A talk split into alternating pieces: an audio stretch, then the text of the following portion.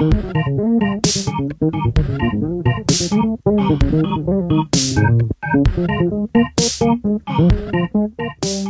què tal? Bon dia, bona vesprada o bona nit, sense importar quan es estigueu escoltant i benvinguts i benvingudes a un altre episodi de Ressona, efectivament, el podcast de la revista Sos de Xaloc. Salutacions de qui te parla, jo, Vlad Ostiuc, i m'acompanya Laura Martínez. Què tal?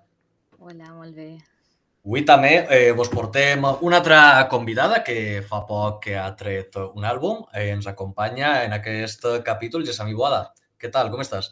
Molt bé, molt contenta d'estar xerrant amb vosaltres una miqueta. Mm. Bé, doncs pues anem allà. Eh, L'art d'estimar és un disc de plorar, no? Sentint-lo. Sí, jo diria que és el disc més íntim que, que he fet. És un disc que parla de l'amor, del desamor i, clar, doncs, quan et trenquen el cor o quan estimes molt, a vegades plores. I ha estat difícil el procés de produir-lo per a, per a tu?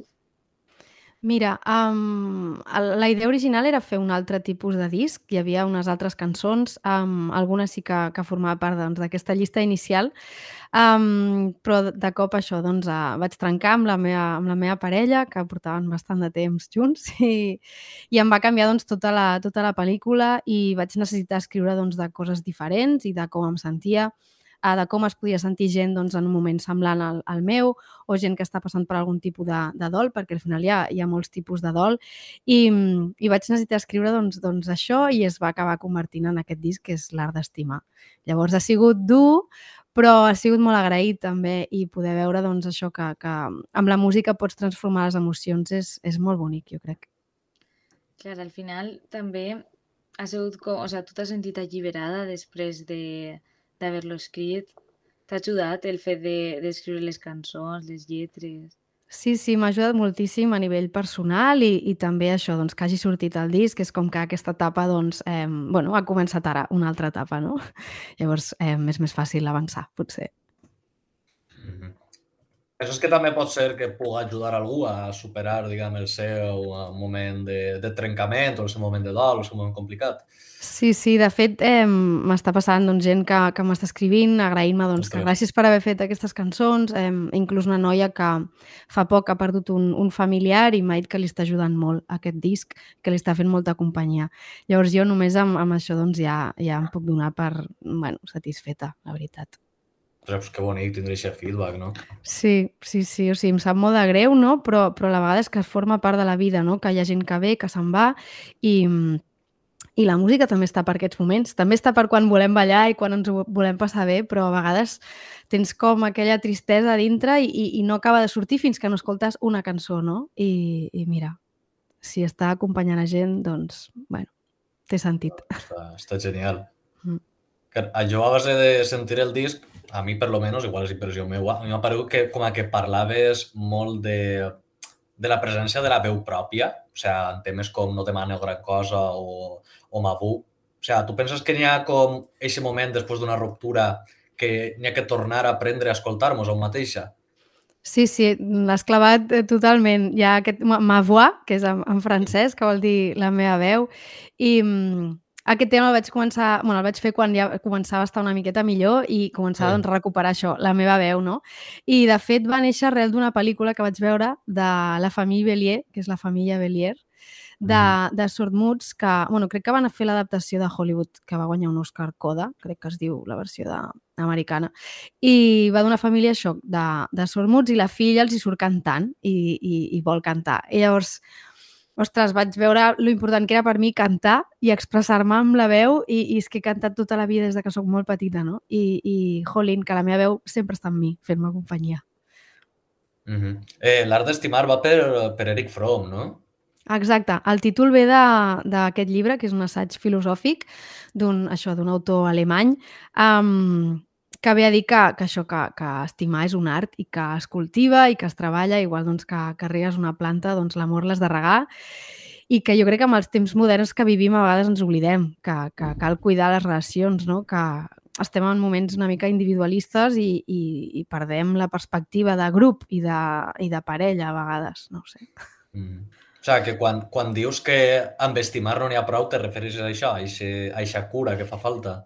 Em refereixo a això i a mil coses més. Això és un altre tema no, del disc, que es diu No n'hi ha prou amb estimar. Aquí el que volia dir era que, com Romeu i Julieta, no? que, que hosti, no era suficient que s'estimessin, que hi ha d'haver molts factors, això de, de la família, dels amics, del context eh, cultural, mil, mil coses que, que poden fer que una relació no funcioni i no depèn de l'amor només, no? I que si hi ha amor, ostres, doncs encara anem a potenciar-lo i anem, anem encara més, més enllà. Mm -hmm. O sigui, també, també al final important no, no, no culpar-se, entenc, que és el que tu, és el que tu dius. Hi ha com mil coses que poden influir i moltes vegades estan fora del nostre control, no? Exacte, sí, sí. Jo aquest disc l'he intentat fer amb, des del respecte absolut i des d'una visió bastant oberta, jo crec, de, de, no sé, de com entenc jo l'amor. I eh, o sigui, acabes de publicar fa, fa res el vídeo de Em pregunto. Mm -hmm. com, com ha estat l'experiència?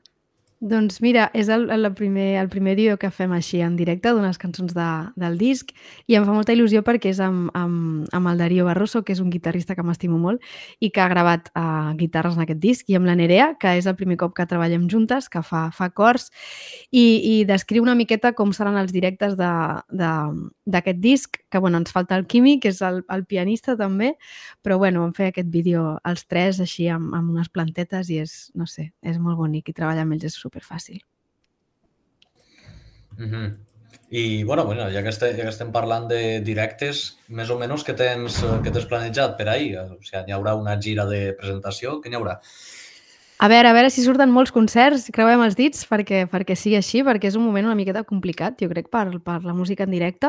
Um, venim d'una pandèmia que ens ha trastocat una miqueta el sistema i que ens ha fet quedar-nos més a casa i tinc la que costa una miqueta que la gent vagi, vagi a concerts. Així que des d'aquí animo a tothom a que, a que compri entrades pel teatre, pel cine, per, per concerts i, i mm. això, que surtin de casa.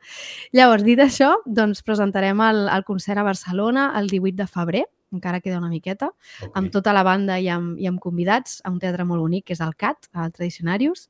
Després estarem a Girona també, a finals de, de febrer, i a la primavera estarem pel Maresme, potser alguna data a Lleida també, estem acabant de, de concretar. Però si van a la meva web o al meu Instagram, a Gesami Boada, allà, allà està tota la info. Mm -hmm. I alguna data pel País Valencià? No, no s'ha plantejat? Tinc moltes ganes de venir al País Valencià. De fet, ja, ja, vaig parlar amb una noia, amb una pianista que es diu Marina Alcantut, que vaig fer una col·laboració amb ella d'un grup que, té, que es diu Pete Lala, ah, i no. tenim un tema juntes i em va passar una llista de llocs on, on venia a tocar i ho tinc pendent des del disc anterior, o sigui que a veure si aquest cop es, es concreta. Jo encantada, i tant. Eh, pues, eh, ens encantaria tindre, tindre't per així en alguna data en, en algun directe. O en, ja us aviso quan vingui. Sí. Genial, estaria genial pues, pues, doncs mira, això és uh, més o menys tot i de veres que encantats de, encantats de tindre't així este, este ratet i que ens contares eh, més, uh, un poc més sobre el disc. També t'he dit, crec que, crec que este programa que hem tingut amb tu és, és sigut el més introspectiu que, que ens ha tocat. Normalment preguntem per producció, per influència, per coses, però si hem dit anem directament a les lletres i a tot el que significa. Al corazón, ai, ai, una miqueta. Bueno, podem parlar del que vulgueu, eh? també vull dir que estic, estic oberta, però jo encantada sempre de, de xerrar de música i d'emocions, de, exacte. Doncs, mira, ha estat, ha estat genial també pues, que mos contares què significa per a tu i què significa per a, per a qui siga que puga, que puga estar escoltant. Bé, més o menys això és tot per avui. Moltes gràcies per, per vindre per acompanyar-vos i moltes gràcies també a tots els que esteu escoltant en, en este ratet. I això ha sigut tot per ara. Adeu. Merci.